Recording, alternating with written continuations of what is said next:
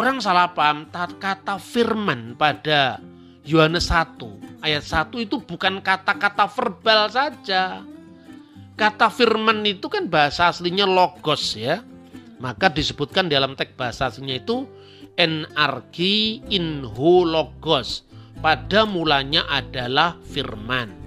Kihu logos en prostonteon ketios inhu logos. Pada mulanya ada logos atau firman dan firman itu bersama-sama dengan Allah dan Allah sendirilah firman itu. Kira-kira kalau diterjemahkan harafiah begitu. Pada mulanya adalah firman dan firman itu bersama-sama dengan Allah dan Allah lah firman itu. Keteos inho logos.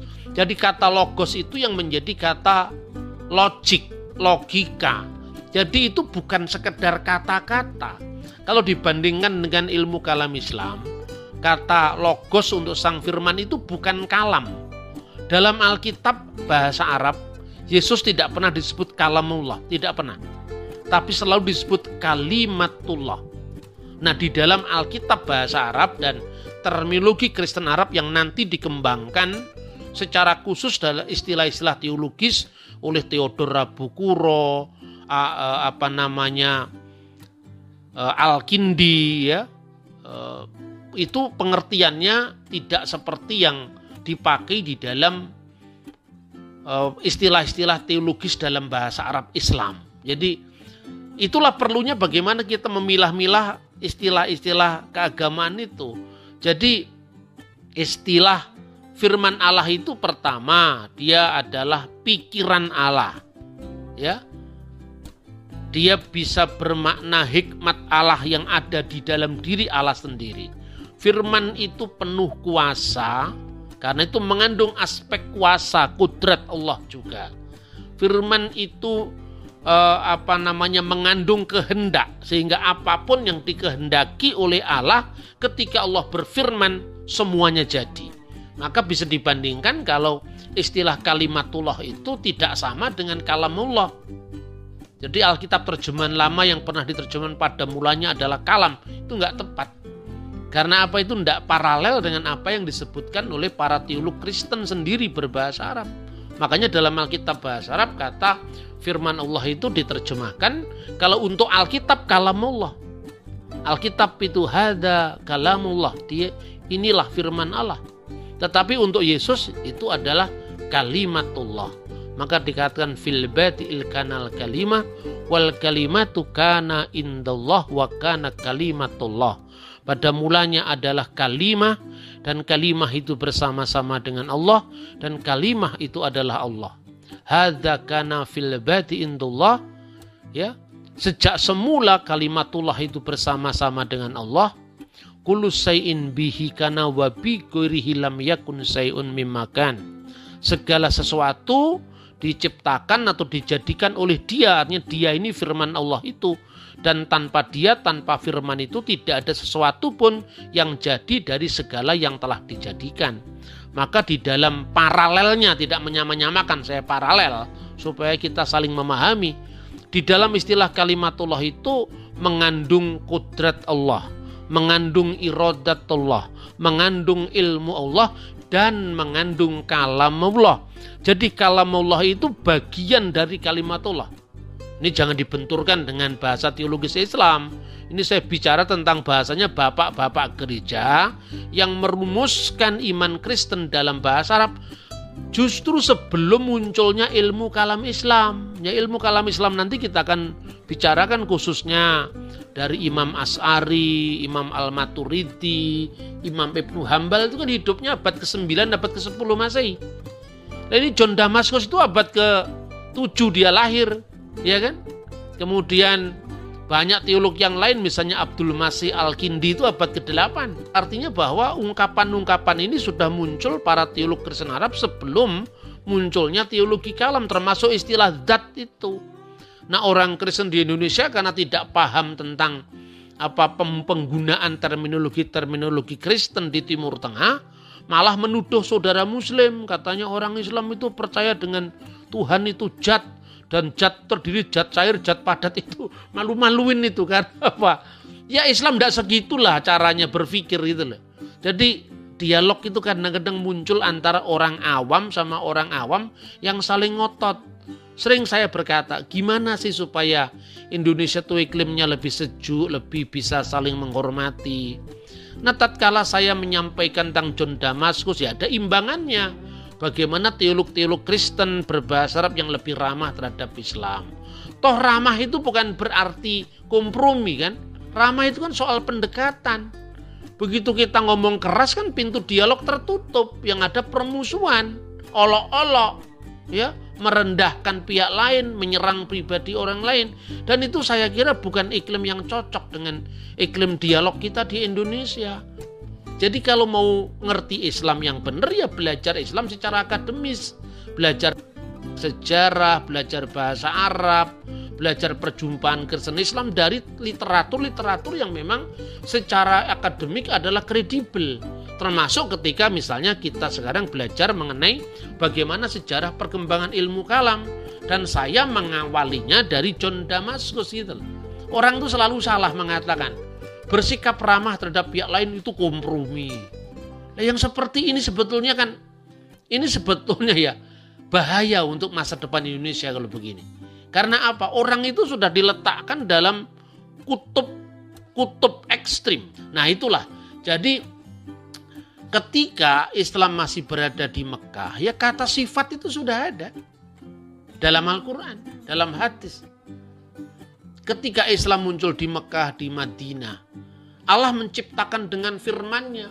Itu sudah ada tentu istilah kalamullah ya. Allah menciptakan dengan firman-Nya itu sudah ada. Innama amru idza arda sayan ayakula lahu kun fayakun. Sesungguhnya apabila Allah itu menghendaki sesuatu, dia hanya berfirman jadi maka jadilah.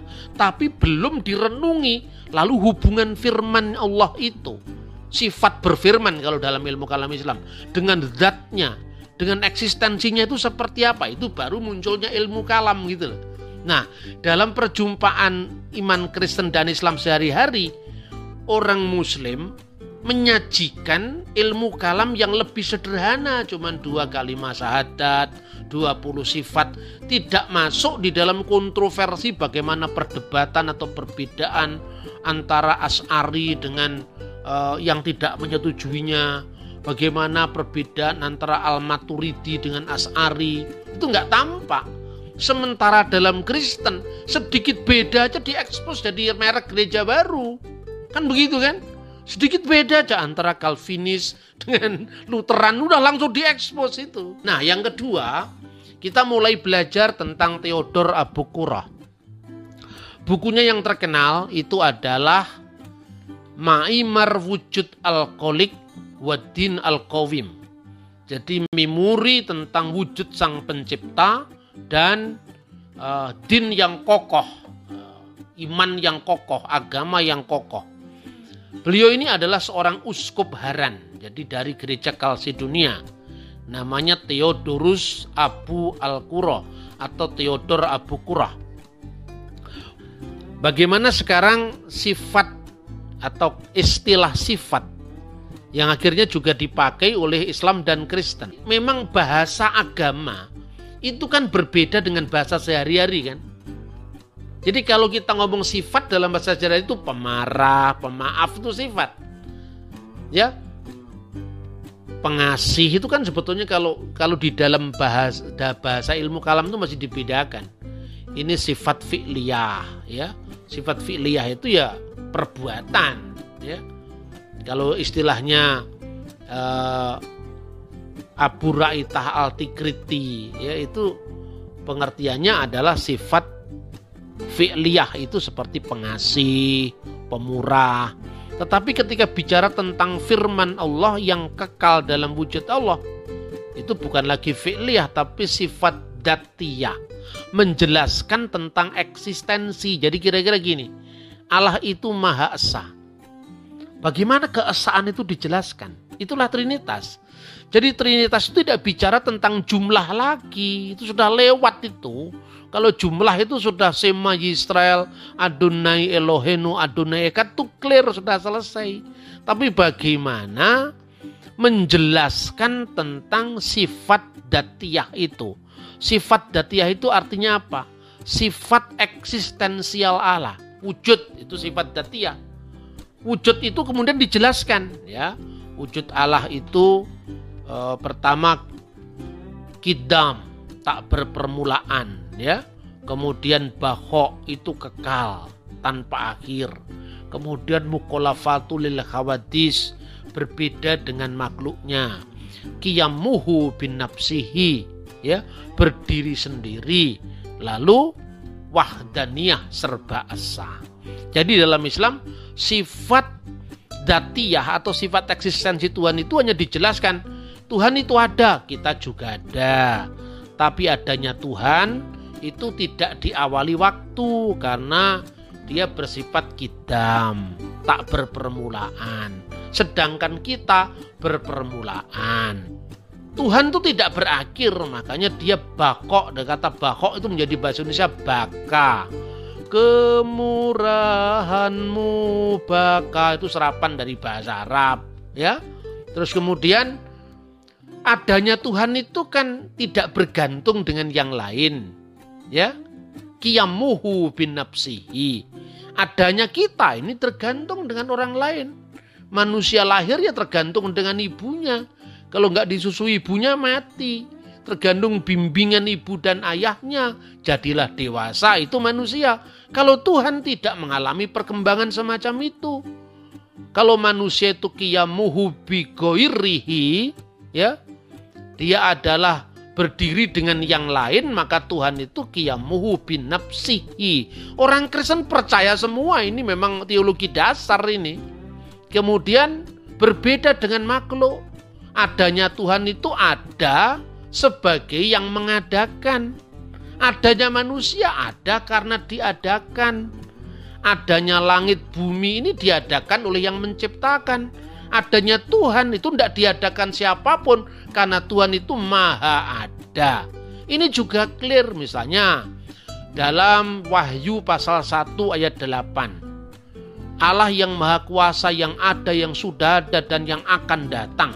Itu hanya keadaan Tuhan, keberadaan Tuhan itu tidak diawali oleh waktu, tidak diakhiri oleh waktu. Dulu dia ada, kini dia ada, dan seterusnya dia akan ada, maka yang akan datang. Wahyu pasal 18 itu sesungguhnya adalah merupakan doa Yahudi namanya Adon Olam. Wehu hayah, wehu huweh, wehu yihye batif arah dalam bahasa Ibrani. Dia yang ada, yang sudah ada, yang akan ada, yang maha kuasa gitu loh. Jadi ini sifat ini sebetulnya dalam ilmu kalam Islam disebut itu tadi kidam bakok kiyamuhu binapsihi ya mukolafatu lil khawatis baru semua itu diikat dengan keesaannya. Sifat inilah yang wujud dengan deskripsinya itu dalam iman Kristen dijelaskan sifat datiyah ini, sifat eksistensial ini. Allah itu ada ya, dia ada tapi bagaimana dia menciptakan? Dia menciptakan dengan firman-Nya. Kan gitu kan? Makanya dalam kitab Taurat sebelum muncul agama Kristen, dalam kitab Taurat itu ditegaskan penciptaan ini dilakukan oleh Allah dari tidak ada menjadi ada sehingga dikatakan beresit bara iluhimet hasamayim ve'et sa'aret pada mulanya Elohim Allah menciptakan langit dan bumi kata Elohim ini jamak tapi ini bukan jamak lebih dari satu Tuhan, bukan jamak keagungan, pluralis, majestatikus. Sementara kata bara itu kata tunggal. Maka artinya pada mulanya Allah menciptakan, Allah yang esa menciptakan langit dan bumi. Dan bumi itu belum berbentuk. Gelap gulita menutupi samudra raya dan roh Allah melayang-layang di atas permukaan air. Viha aret hayetah tohu wa bohu wa hosek alfenetehom wiruah iluhim merakefet alfene hamayim. Jadi setelah di sampaikan statement umum Elohim atau Allah menciptakan langit dan bumi, lalu dijelaskan bagaimana proses dari bumi yang masih tohu wabohu, yang masih belum berbentuk dan kosong dan kegelapan, wahusek alfinitihom, menutupi samudra raya. Wiruah Elohim merakefet alfinihamayim. Kita orang Kristen menerjemahkan dengan dan roh Allah melayang-layang di atas permukaan air. Artinya sumber hidup dalam diri Allah itu menyalurkan kehidupan kepada seluruh ciptaan sehingga bumi dan planet-planet bergerak pada orbitnya masing-masing memberikan hidup, menyalurkan hidup. Memang di dalam beberapa terjemahan Tanak Yahudi ya, itu kata ruah Elohim itu diterjemahkan the wind of God atau the wind from God, angin Allah atau angin dari Allah. Tetapi kalau uh, kita konsisten dengan teks-teks lain dalam metal kitab misalnya, kalau ruah Elohim dalam Beresit pasal 1 ayat 2 itu diterjemahkan angin, bagaimana dengan kitab Ayub pasal 33 ayat 4? Memang kata ruah artinya bisa angin, bisa nafas, bisa roh. Tetapi di dalam Ayub pasal 33 ayat 4 itu jelas-jelas disebutkan ruah el asatani vinismat sadai tehayeni yang artinya roh Elohim, roh El, roh Allah itu membuat aku dan nafas yang maha kuasa telah membuat aku hidup. Maka di sini yang disebut ruah Elohim atau roh El itu adalah roh sang pencipta. Nah, juga ada terjemahan Yahudi yang lain dari para rabi yang menerjemahkan ruah Elohim itu divine present. Jadi kehadiran ilahi, kalau dimaknai kehadiran ilahi melalui rohnya, ini lebih tepat. Tetapi orang Kristen lebih konsisten menerjemahkan Elohim roh Elohim dan firman Elohim atau wayomer Elohim yehi or wa yehi or dan berfirmanlah Allah jadilah terang maka terang itu jadi. Ini dalam makna Kristen itu yang secara implisit berbicara tentang ketritunggalan Allah. Nah, kita lanjutkan. Lalu mengenai kata sifat tadi, sifat di dalam konteks Eh, penulis-penulis Kristen yang berbahasa Arab dan di sini adalah Theodorus Abukuro yang lahir tahun 740 meninggal kira-kira tahun 820 itu adalah teolog pertama yang menerjemahkan eh, karya-karya teologis itu di dalam bahasa Arab seperti tercermin dalam bukunya Ma'imar fi Wujud Al-Qolik wa Din Al-Qawim ya seperti yang tadi saya sebutkan. Lalu dia menjelaskan tentang nisbah atau hubungan antara Allah, firmannya dan rohnya itu sebagai hubungan atau relasi kekal dalam wujud ilahi yang oleh Yohanes Damaskus pendahulunya disebut masing-masing itu hubungannya adalah idiotetes yaitu sifat yang kemudian diterjemahkan dengan sifat datiyah, sifat yang menjelaskan eksistensi Tuhan. Nah, bicara tentang kata dat ini seperti tadi saya sampaikan itu juga sering uh, menjadi apa ya, menjadi uh, kesalahpahaman antara orang Kristen terhadap saudara muslim. Padahal kata dat itu sendiri ada di dalam Alkitab bahasa Arab. Misalnya disebutkan dalam Yohanes pasal 5 ayat 26 li annahu kama annal abba lahu hayatun fiddatihi. Sebab seperti sang bapa memiliki hidup fidatihi dalam dirinya sendiri dalam eksistensinya sendiri kadzalika aktol ibna. Demikian pula telah diberikan kepada anak ayakuna lahu hayatun fidatihi ya memiliki hidup di dalam eksistensinya sendiri. Makanya dalam tulisan bapak-bapak gereja akhirnya hubungan itu dirumuskan sebagai personalitas atau pribadi. Tetapi pribadi ini sekali lagi, ini bukan pribadi yang terpisah itu ajaran yang asing bagi gereja. Gereja tidak pernah mengajarkan tiga pribadi ilahi itu adalah pribadi yang terpisah karena itu adalah merujuk kepada metaphysical personality. Maka bagaimana relasi antara tiga hipostasis ilahi ini yang dijelaskan melalui ungkapan sifat datiah tadi. Yang pertama Bapa. Bapa itu sumber keilahian. Masodir al ilahiyah yang dalam bahasa Yunani diterjemahkan aginesia dia tidak diperanakkan. Dia adalah pokok asal yang tidak berasal dari yang lain. Bapa adalah kausa prima ya yang tidak disebabkan oleh yang lain tetapi menjadi sumber bagi seluruh ciptaan ya kreasio ek nihilo dari tidak ada menjadi ada maupun dalam dirinya sendiri. Nah, hubungan antara uh, ketiga pribadi dalam diri Allah dalam dirinya sendiri tadi berbeda hubungan dengan ciptaannya.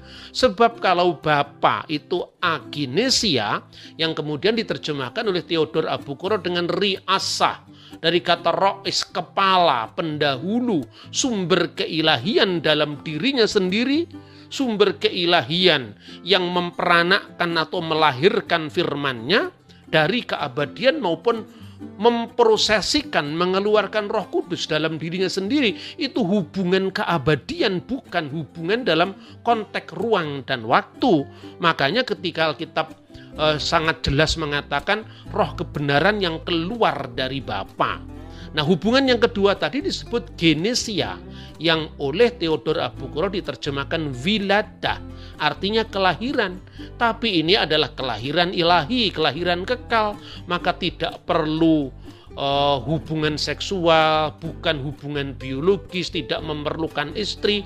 Maka dalam konsili Efesus dijelaskan bahwa putra itu adalah kalimatullah yang wulida minal ab yang lahir dari bapa ilahan bigoiri jasad tuna um yang lahir dari bapa secara ilahi tanpa jasad tanpa seorang ibu karena Allah itu memang tidak beranak dan tidak diperanakkan. Nah yang disebut wiladah itu adalah pernyataan diri Allah untuk menyatakan siapa dirinya kepada dunia. Maka dikatakan barang siapa melihat aku, kata Yesus, dia telah melihat Bapa. Itulah makna anak Allah. Bukan artinya Allah itu beranak dan memerlukan pengandungan, memerlukan bidan, bukan itu. Yang ketiga adalah yang disebut oleh Yohanes Damasus sebagai exporeusis. Exporeusis dalam bahasa Yunani itu diterjemahkan oleh Theodora Bukoro menjadi inbitok yaitu prosesi keluarnya Roh Kudus dari diri Allah. Untuk anak itu disebut lahir. Karena apa? Karena melalui anak itu, melalui firmannya itu Allah menyatakan diri. Maka ditegaskan Yohanes 1 ayat 18 tidak seorang pun pernah melihat Allah tetapi anak tunggal yang ada di pangkuan Bapa dialah yang menyatakannya. Lah ini yang menarik dalam konteks apa eh, eh, bahasa teologis dari John Damaskus yang kemudian diteruskan oleh Theodor Abukuro. Nah kemudian dalam sejarah selanjutnya reaksi pertama dari kalangan muslim itu muncul dari seorang teolog Muktazilah yang bernama Isa bin Sabih al-Muqdar itu wafat tahun 840 yang menulis bantahan terhadap buku Abu Qurrah tadi yaitu Maimar fi wujudil khaliq wa dinul qawim memori atau memoir tentang wujud sang pencipta dan iman yang teguh di mana Abu Qurrah telah menjelaskan pokok-pokok iman Kristen tentang Tritunggal Maha Kudus, tentang firman yang menjadi manusia, tentang sakramen, tentang pola ibadah, kenapa orang Kristen Ortodoks sembahyang menghadap ke timur dan sebagainya. Di dalam uraiannya tentang wujud Allah, dia menegaskan bahwa Bapa tadi adalah kiasan sebetulnya dari wujud ilahi. maka disebut riasah atau pendahulu yang menunjuk bahwa itu sumber bagi dirinya sendiri dalam lingkaran kekal maupun sumber bagi ciptaannya dalam hubungan kreasio ek nihilo artinya diciptakan dari tidak ada menjadi ada maka ketika kita bicara tentang Allah dalam kaitan dengan Salus Al-Qudus atau Tritunggal Maha Kudus itu berbicara tentang eksistensi Sang Pencipta, tidak bicara tentang sesuatu di luar Sang Pencipta. Maka itu tak terhingga. Bapa itu adalah wujud Allah maka disebut satu Allah yaitu Bapa. 1 Korintus pasal 8 ayat 6 kemudian melalui sang Bapa yang satu dari wujud Bapa yang satu itu Kristus berkata aku keluar dan datang dari Allah tidak merujuk kepada kemanusiaan Yesus tapi merujuk kepada firman Allah yang praeksisten dalam wujud Allah dan Roh Kudus keluar dari Bapa. Artinya apa? Satu-satunya sumber itu adalah Bapa. Tetapi ketika dikatakan pada mulanya Allah menciptakan langit dan bumi, lah itu penciptaan yang sifatnya kreasio ek nihilo. Jadi Yesus disebut firman Allah dalam perspektif iman Kristen itu bukan kalam takwiniah seperti pandangan Islam. Kalam takwiniah itu adalah akibat dari kata kun tetapi Kristus itulah sendiri sebagai firman Allah yang olehnya segala sesuatu diciptakan. Sekali lagi ketika berbicara tentang Kristus sebagai firman Allah sama sekali tidak merujuk pada kemanusiaannya yang temporal. Maka kemudian reaksi terhadap muktazilah itu muncullah ahli sunnah wal jamaah. Perhatikan Imam As'ari baru dilahirkan tahun 873 Masehi meninggal tahun 935 itu sudah memasuki abad ke-10 Mansur al-Maturidi itu meninggal tahun 944 sudah abad ke-10 Ahmad bin Hambal itu meninggal tahun 855 sudah abad ke-9 nah makanya kalau gereja dahulu memutuskan bahwa firman Allah yang kekal itu dilahirkan tidak diciptakan. Al mauludu goirul makhluk. Maka dalam pergumulan yang sama ketika umat Islam khususnya ahli sunnah wal jamaah menghadapi kaum muktasilah yang menentang bahwa Al-Quran sebagai kalam Allah itu ciptaan pada jalur yang sama As'ari, uh, Al-Maturidi dan ahli sunnah wal jamaah menegaskan man kola innal Qur'an makhluk fahuwa kafir barang siapa yang mengatakan Al-Quran itu diciptakan maka dia adalah kafir. Ini sama sekali tidak menunjuk pada kertasnya Quran, huruf Arab yang berkembang dan sesuatu yang berkembang, sesuatu yang mengalami proses itu adalah makhluk. Maka ketika orang Kristen mengatakan Yesus mati, Tuhan tidak pernah mati. Alkitab dengan jelas mengatakan dia yang dibunuh dalam keadaannya sebagai manusia. Kalau saya meminjam istilahnya Sayyid Husin Nasir, paralel antara Yesus itu adalah bukan dengan Nabi Muhammad tapi dengan Al-Quran. Maka kalau tubuhnya Yesus bisa rusak karena disalib, maka Quran pun itu bisa rusak bukan firman Allah yang azali itu yang rusak, tetapi kertasnya Quran, wujud nuzulnya Quran, temporalnya Quran sebagai Quran yang lafat, kalam lafat bukan kalam nafsi, kalam yang kekal. Saya berharap ini relevan untuk pembahasan kita di Indonesia bagi orang Kristen yang berdialog secara teologis dengan dunia muslim di Indonesia.